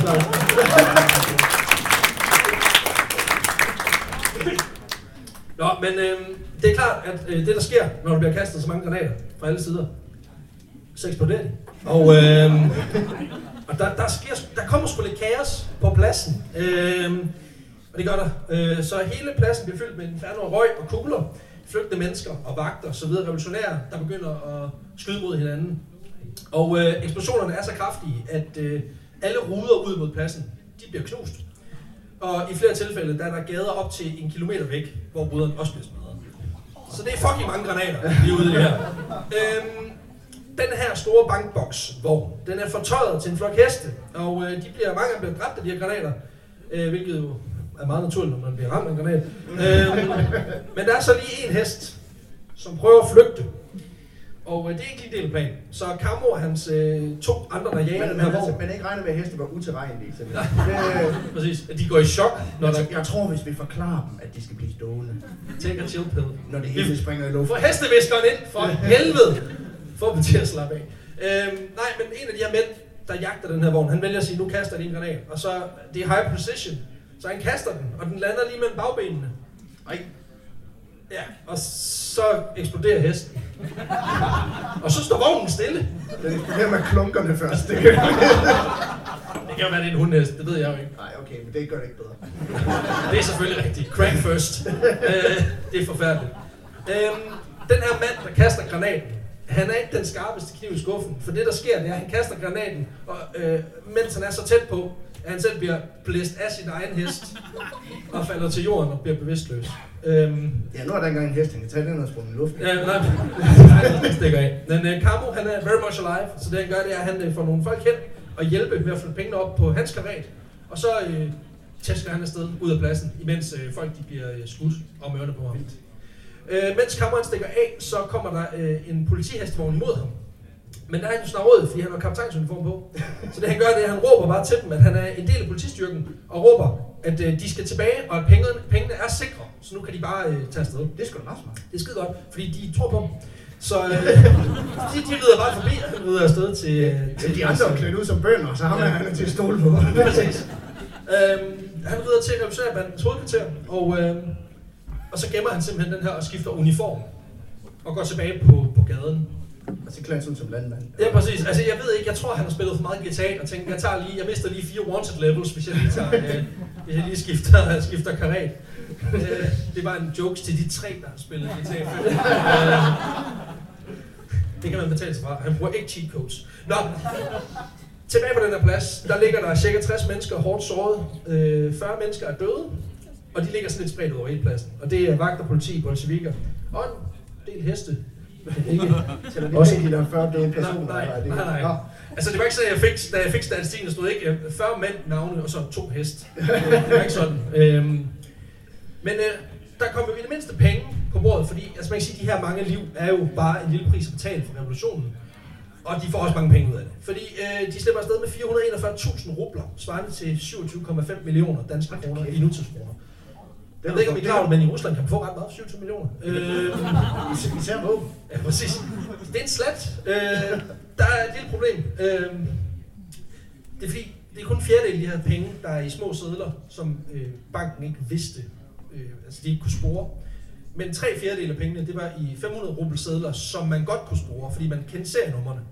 Og det betyder, at øh, de penge kan de ikke bruge. Øh, så, så det er jo meget smart, at man er af med 27 millioner og ender med ikke at kunne bruge de 18 af dem.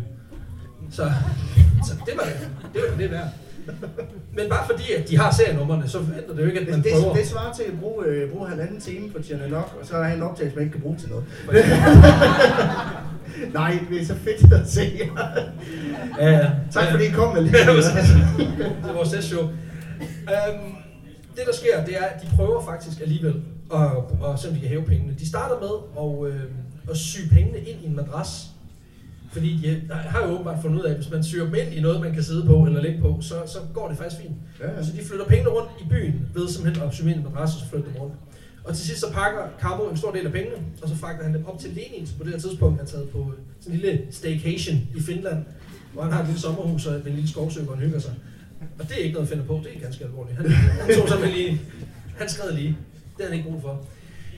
Efter han har afleveret nogle af de her penge, så rejser han simpelthen lige Europa tyndt for at få, lidt, øh, for at få skaffet sig nogle våben. Han øh, tager til Bulgarien for at købe noget detonatorudstyr. Og øh, til Belgien. til at lave dernede. Ja, ja. Og så rejser han til, til Frankrig og Belgien for at købe nogle, øh, nogle våben, som han så får fragtet øh, hjem af. Efter den her tur, der øh, ender han i Berlin, hvor han mødes med en bolsjevikisk sympatisør, som også var øjenlæge. Og det gør han, fordi Lenin, han har forbarmet sig over, at manden har jo fucket sit ene øje op, og det ser dumt ud med den der klap.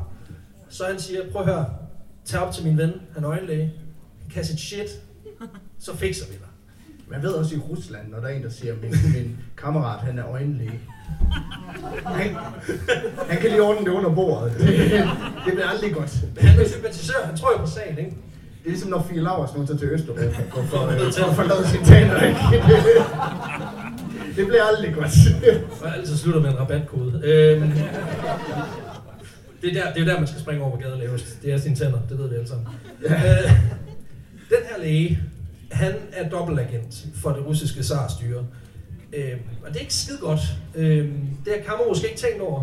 Jeg tænker, at det er, fordi jeg ikke kan se perspektivet i, i det her spil, der udfolder sig foran ham. Har du slet ikke set det komme? Nej. Nej. Jo, Han kom ind for højre for helvede. Okay, jeg, jeg, jeg havde halvt set det komme. Ja. Og øh, han bliver simpelthen anholdt i Berlin. De finder 200 deton- detonatorer i hans kuffert.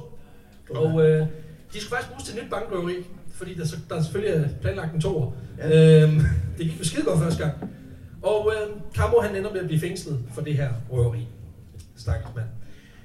Camo han modtager et brev i fængsel fra øh, en advokat, som kommer med et simpelt øh, løsning på alle hans problemer. Fordi det er Krasin, der har fået skrevet ham med bombeeksperten. Mm. Og ham skulle han jo bare have lyttet til, fordi han har jo på alle måder været en hjælp for Camo igennem det her. Altså, det er ham, der har kostet ham synet, og nu vil han også gerne hjælpe ham med lidt jurid- juridisk rådgivning. Så ja, det er på tide. Man siger, en mand, der lever af at springe ting i luften, han ved også, hvordan man undgår loven. Eller i hvert fald omgås den. øh, i en- Han har totalt styr på det tyske retssystem, i hvert fald. Fordi det, han skriver til Camo, det er, at han skal bare fake, han er sindssyg.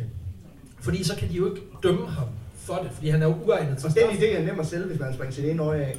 Det er rigtigt. Og det gør Camo. Han faker, han er sindssyg. Nå, I tre år. og så gider han ikke mere. Nu er jeg blevet rask. Ja, det er det. Nej, men han starter simpelthen med at fake sin sindssyge ved at nægte at indtage mad. Han begynder at rive sit hår ud af hovedet. Han begynder at få sit tøj i stykker, råber og skriger i sin celle. Øh, og så forsøger han gentagne gange at tage sit eget liv inde i cellen. Det er method acting. Det er altså rollen, synes jeg. Ja. Og så slutter han lige af med at begynde at spise sin egen afføring. Øh, kæft, den dedikerer sig til det der. øh, og det er bare det første år. Der tror jeg, også, der, der vil jeg sidde sådan, ej fuck det, så giv mig den. Og det, altså det, her, det, det er det, der sker inden for det første år. Og øh, der bliver tilkaldt nogle læger fra den psykiatriske afdeling på det her, i det her fængsel. Og de skal lave en evaluering af hans tilstand. Og øh, de tror sgu ikke på, at han faker. Nej, det er jo nå, undskyld, nej, de tror, de tror, han faker. Nå, Ja, de er overbevist, altså de tænker, det er et act, det her. Nå, han er ikke skør nok, han er bare skør nok til at spise sin... Ja, ja, men altså, du ved, man kan få folk til hvad som helst, hvis de ikke så gerne vil dømmes for et eller andet. Så de prøver at bevise, at ham her, han er helt rask.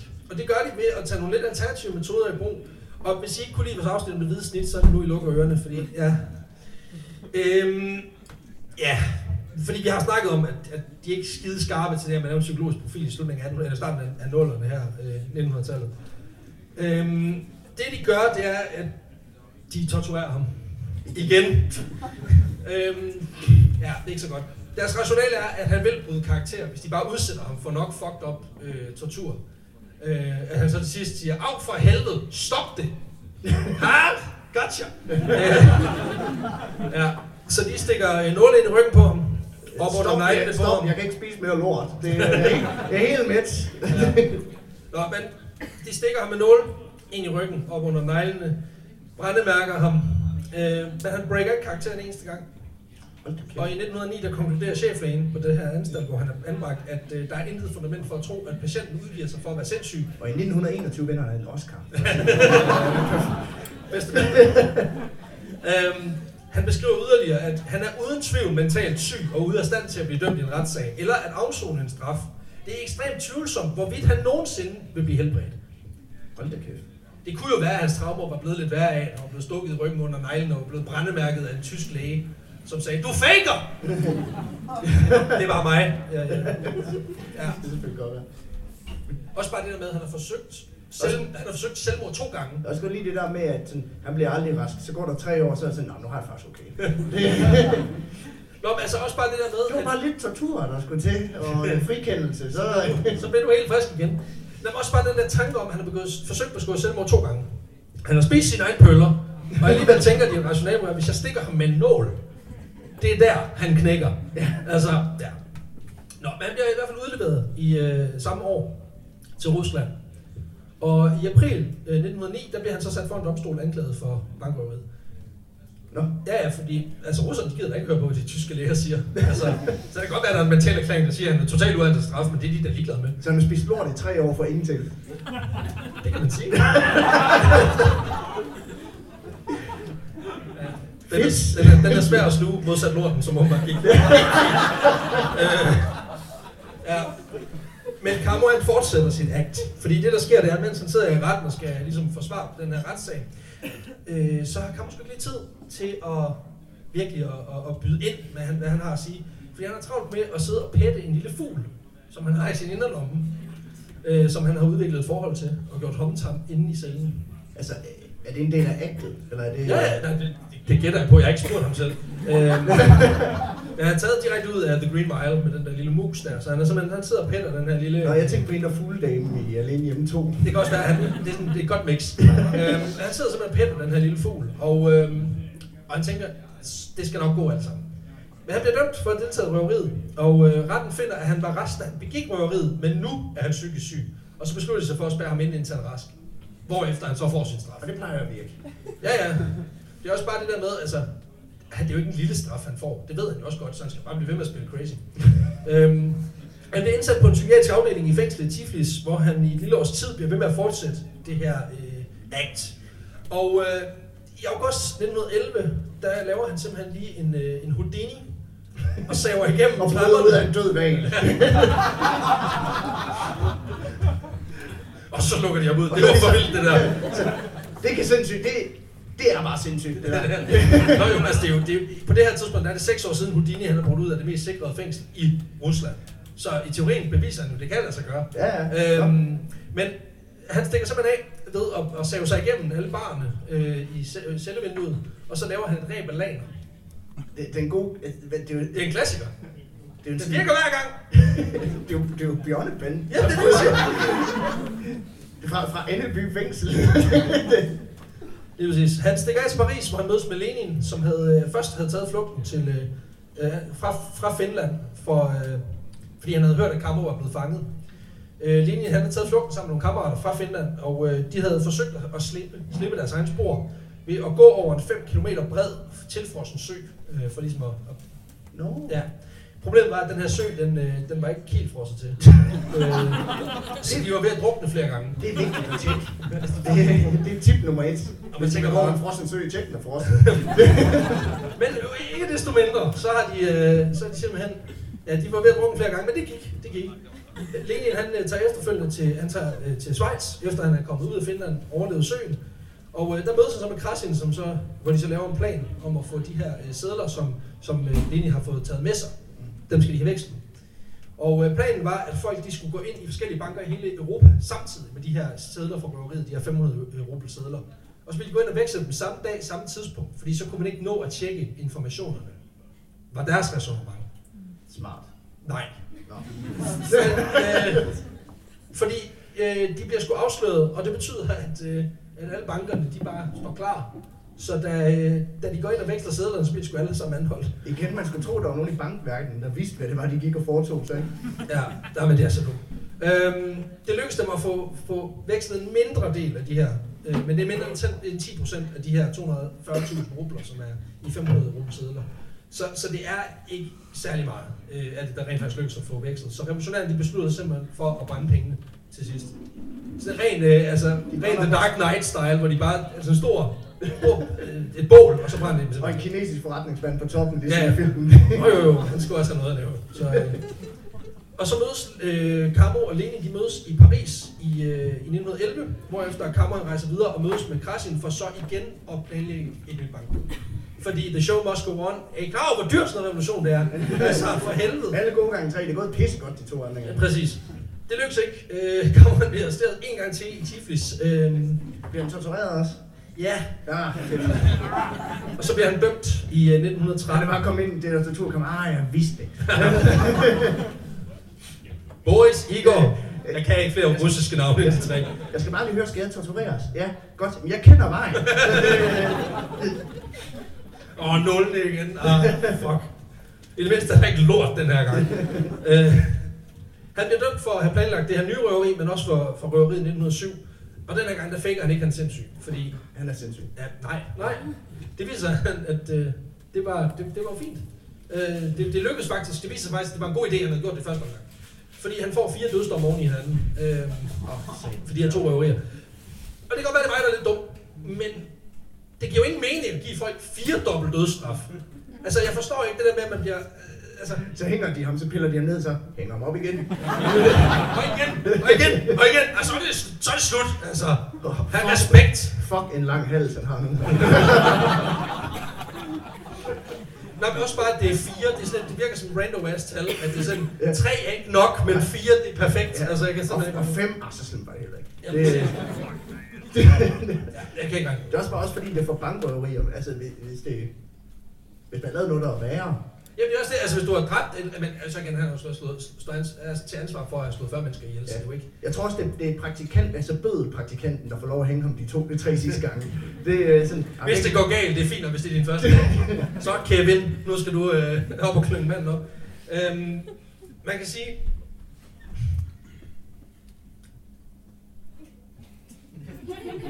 Hvad kan man altså, sige? ja, that's it. Det der med det, er, at han får den her firedobbelt dødsstraf, og det lyder jo forfærdeligt. Øhm, og det er det også. Øh, det bliver aldrig eksekveret. Fordi, og det synes jeg er meget smukt det her, nemlig at i forbindelse med Sarns families dynasti, de har haft magten 300 år, der bliver hans firedobbelte dødsstraf, det bliver lavet op til et meget langt fængsel. Det var på grund af jubilæum. Ja. Prøv at forestille dig det, dronningen hun bliver 80 her, her lige om lidt, ikke? Og Så, så siger bare man- sådan Peter Madsen, du har siddet derinde længe nok. Jeg tænker, der er jo bøder. Altså, Hvad er det for noget? det, det, er jo ikke, det er jo ikke en ny ting. Altså, det gjorde man jo engang, det der med, at så, så får du bare en gigalang straf ud efter tre år. Fint, alt er godt. øhm, men, Shit. Ja, ja, det gjorde man jo også med nazisterne efter 2. verdenskrig. De røg jo også bare tilbage ud, efter de har slået 70 mennesker i. Det var ikke noget problem. Pis!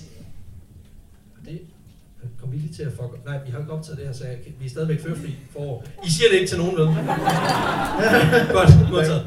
Alt er godt. Øhm, og det er jo egentlig meget smuk tanken om, at vi har et fire år, firedobbelt dødsdom, som bliver lavet om til lang fængsel, fordi Saren forbarmer sig. Øhm, og så går der fire år, og så kapper de hans fucking hoved af. Fordi, fuck dig. øh, det er straffen. Det er det, man, man må betale, fordi i, i februarrevolutionen, der, øh, der sætter man en stopper for tsardømmen. De sejker ham. Det er sådan, De sagde, Jamen prøv at høre. Du dør ikke alligevel. Jeg bare for, efter fire år, de åbnes fællesdør. Sejk. Til, til, til hvad? Ja, det der vi sagde for fire år siden. Det er sådan, ind med dig. nu dræber vi dig. Nej, men i efteråret øh, 1917, der kommer den endelige revolution. Kejser, eller Saren, han må, han må ligesom abdicere. Øh, ikke egen, af egen fri vilje, men han ryger. Og øh, det, der så sker, det er, at der kommer et powerskifte, fordi lige pludselig sidder alle Kammers bedste venner lige pludselig på toppen af, hvad kan man sige, magten. Yes. Og det er jo skide godt, når man sidder i fængsel, fordi han bliver sgu bare lukket ud igen.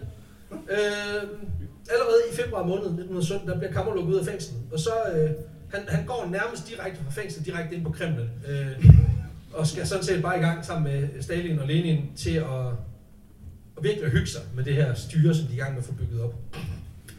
Fedt nok. Det er pis godt. Øh, problemet er, at Camo, han har jo kæmpet i mange år. Han er ikke helt rask. Så han begynder at kede sig inde på Kremlen. Det skulle ikke lige ham, det der med det der kontorjob. Jeg ved ikke, om I kan forestille jer det. I har været igennem talrige tortur, og så skal man lige pludselig til at have et fucking deskjob. Altså, Ja. Sådan 8 til 4. ja, præcis. Med pension. Og sidde i en celle og bare, åh, torturkammeret var federe. er der mere lort. Altså, øhm, og som de gode pædagoger Lene og Stalin er, og altid har været, så sætter de Camo i gang til det, han er bedst til. Øhm, fordi han skal simpelthen ud i yderområderne af, af det, der så senere bliver Sovjet. Og der skal han ud og samle penge ind til at forbedre landet. Han skal til udkants Rusland. Udgangs Rusland og samle nogle penge ind. og det gør han jo så, fordi der er jo så også oven i den her øh, revolution, der kommer der så en borgerkrig i, øh, i Rusland. Ja, og, og det er et perfekt tidspunkt lige at gå ud med resten af bøssen og sige, så, så er det om at skabe ind, hvis du gerne vil have et bedre, en bedre morgen, tid, eller en bedre dag i morgen. Ikke? Øhm, og det er ligesom, altså det er Bolsjevikerne, der vinder krigen i 1922. Men øh, udover det, så, så kan man sige, at Kammer han samler ligesom handsken op, Mm. og øh, går i gang med, som en ildsjæl med det her værk, hvor han skal ud og, og, og finde nogle penge til det her revolutionsarbejde i, i den her borgerkrig. Så han samler et nyt squad. De tager ud og plyndrer og røver. Øh, Socialdemokratiets ungdom. Ja, præcis. De stod som facer nede på gaden, sådan, øh, Har du nogensinde tænkt på, hvor fedt det kunne være, hvis vi delte alting ligeligt, og du kun lavede søm? Nej, det har jeg sgu ikke. Nå, så dræber jeg dig. Giv mig dine penge. Altså, han var ikke til at arbejde med. Øhm, men Kammer, han skal jo til at finde ud af, hvordan fanden finder man lige det perfekte squat til den her opgave. Han går i gang med at finde folk, og han leder efter nogle mænd af en helt bestemt støbning. Fordi han, han skal finde nogen, der er øh, tro over for konceptet.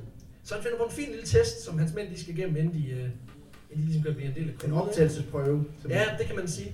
Det, der sker, det er, at rekrutterne de skal mødes i en skov, hvorefter Kammo har arrangeret, at de skal overfaldes af en flok soldater.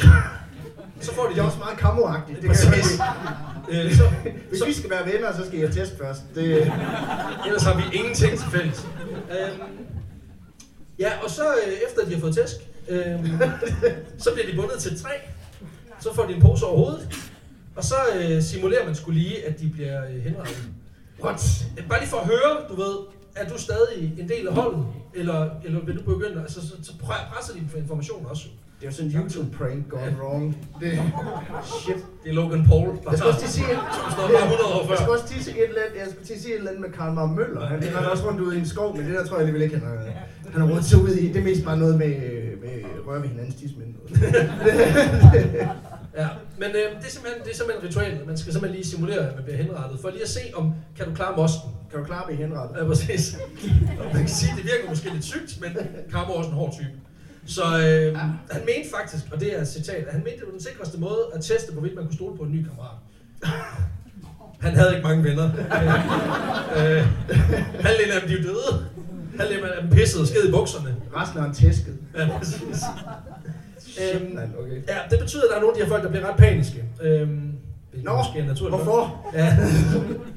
Det sker faktisk også en enkelt gang, at en af de her rekrutter kommer til at afsløre, at han faktisk er spion. Øhm, Ikke skide godt. nej, og det var ikke... Altså, det var Så var det bare en rigtig henrettelse lige pludselig. Han var jo faktisk... Ja, fordi det ender det med, det ender med, at Kammo bare skyder straight up.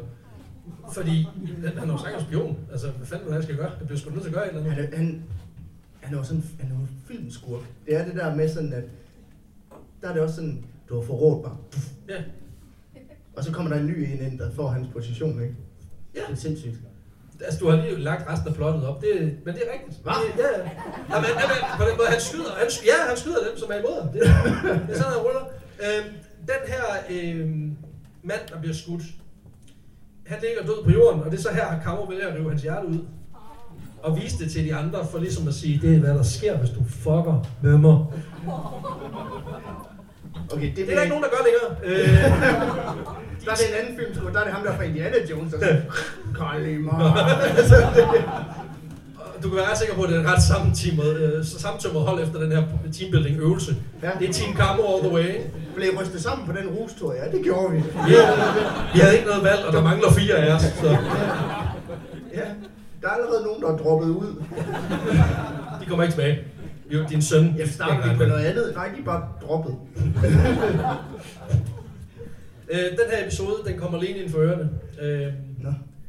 han ender simpelthen med at sige, øh, det bliver for meget kammo Nå, for jeg ved også nok, Sovjetunionen. at Stalin er nødt til, når jeg er nødt til at trække en streg i sandet og sige, det er alligevel lige for meget det der. Så, Ja, det er jo også, altså, og Stalin han vælger også at sige, prøv at høre, det skal vi bede om. Så vi, vi, vi har altså nogle af de sådan, af nyere tids værste massemordere, der sammen er gået op, sammen for at sige, prøv at høre her, øhm, du er menneske. Vi kan ikke bruge dig. Altså, vi sender 60 millioner i gulag, men altså, du er syg i hovedet, kammerat. det, er- det er Peter Lundin, der ringer til Peter Madsen sådan, puha. puha. Altså, Ja. Kan jeg lige så godt fortælle. Og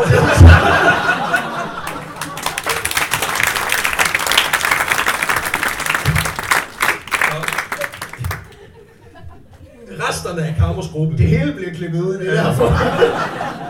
Det virker næsten overflødigt, det her. Øhm, Kamos, øh, resterne af Kamos gruppe, dem her, der virkelig er, er med på holdet nu, ikke? de tager simpelthen på en mission langs den østlige front af det, der bliver det nye Rusland.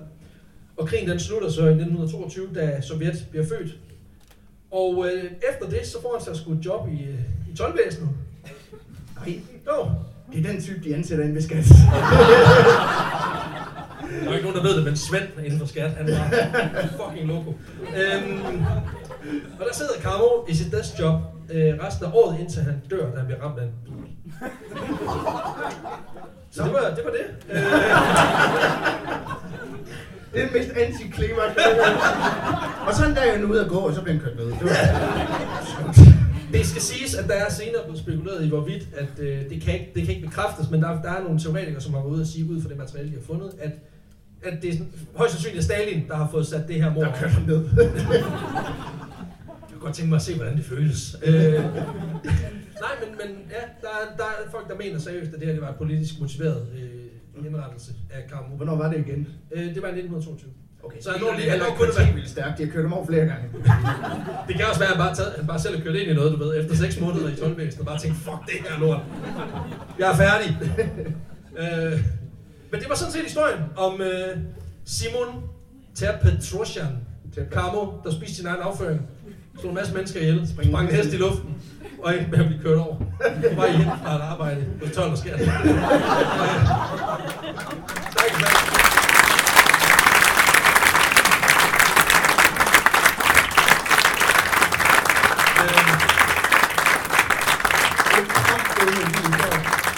Vild type. Vild type. Og alle med, medlemmer af Olsen-banden var også med. Så det var meget fedt. Godt. Jeg har hørt, der er lavet en østtysk version af Olsen-banden. Det det, det, være, er, det, det der? Det kan sagtens være, at det bare er, vi skal ikke øh, bruge, du ved, en eller anden, det er bare, vi skal bruge 1200 kilo sprængstof og en hestevogn. altså, det er en simplere plan på en eller anden. Ja. Hvad skal vi gøre nu? Jamen, vi skal jo placere den på bar- barometeret alligevel, og så er, det, så er det bare noget, vi holder hemmeligt, tænker jeg. Jamen, kunne det ikke være meget sjovt, eller hvad? Og få den placeret. Jo, fedt. Godt. Hvordan gør vi det? Ja, det har jeg sgu da he- heller ikke. Det, det, det, Okay, lad os, lad os høre nogle bud, tænker jeg. Hvor højt er vi? Er vi, er vi over 50? Ja. Er vi over 60? 70? Ja. Der kommer nej, hvorfor?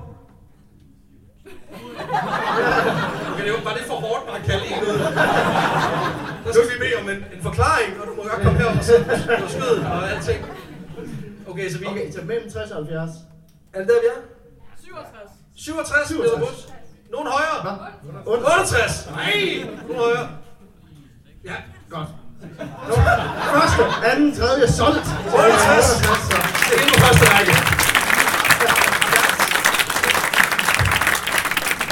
Jeg også at ikke på forreste række. Det kan være nogen nede bagved, der bare har siddet sådan 100. Det er 52. Det bliver hørt. Jamen, øhm, Det var egentlig det. det var sgu det. øhm, tak. Ja. Og, Vi altså, har altid fået, haft ry for at være så gode til at runde ting af. Så det, øh, som I ved, øhm, ja, hvis der er interesse, så øh, kan vi godt lave en, en spørgsmålsrunde. Men jeg tænker, øh, er der interesse for det, inden vi overhovedet går videre? er der nogen, der har spørgsmål? Ja, ja. Og hvis det, ikke er, hvis det ikke er flere, så synes jeg ikke, vi skal tvangsindlægge 75 mennesker til at høre mig. Jeg vil hellere gerne snakke med folk, men det er bare lige i forhold til, at det måske bliver lidt for meget, hvis der er nogen nede bagved, der skal nå noget, eller hader at høre på spørgsmål. Who knows? øhm, Men altså, hvad er der med at sige, udover at vi er pisse glade for, at I kom, Ja. og, og ligesom fik lov til at være offrene i første forsøg på det her. Der er helt sikkert nogle ting, vi kan blive bedre til, for eksempel at få vores fucking optagudstyr til at køre. Øh, ej, men for På den anden side kan vi genbruge historien, det er meget fedt. Ja. Altså, øh, Der har nogen her, der bliver skuffet, kan jeg godt mærke. Øh, I, må, I må meget, meget gerne svare på de der spørgeskemaer. Om I gør det i, i hånden her i aften, eller om I sender svarene til os, det er sådan set, øh, det er sådan set lige meget for os. Øh, det er bare fordi, vi skal lave tre shows mere, så det er også fedt at... Hvilket er genialt. og I behøver ikke skrive, at vi skal huske at trykke på optag-knappen. Det, øh, det, det, er, det er vi med på. Nej, det må I gerne faktisk. Det er faktisk meget sjovt. Men altså, tusind, tusind tak for Ja. jer. Det er kraftedeme genialt. Og det er fucking perfekt, at I mødte op. Ja. ja. Der er tre, der er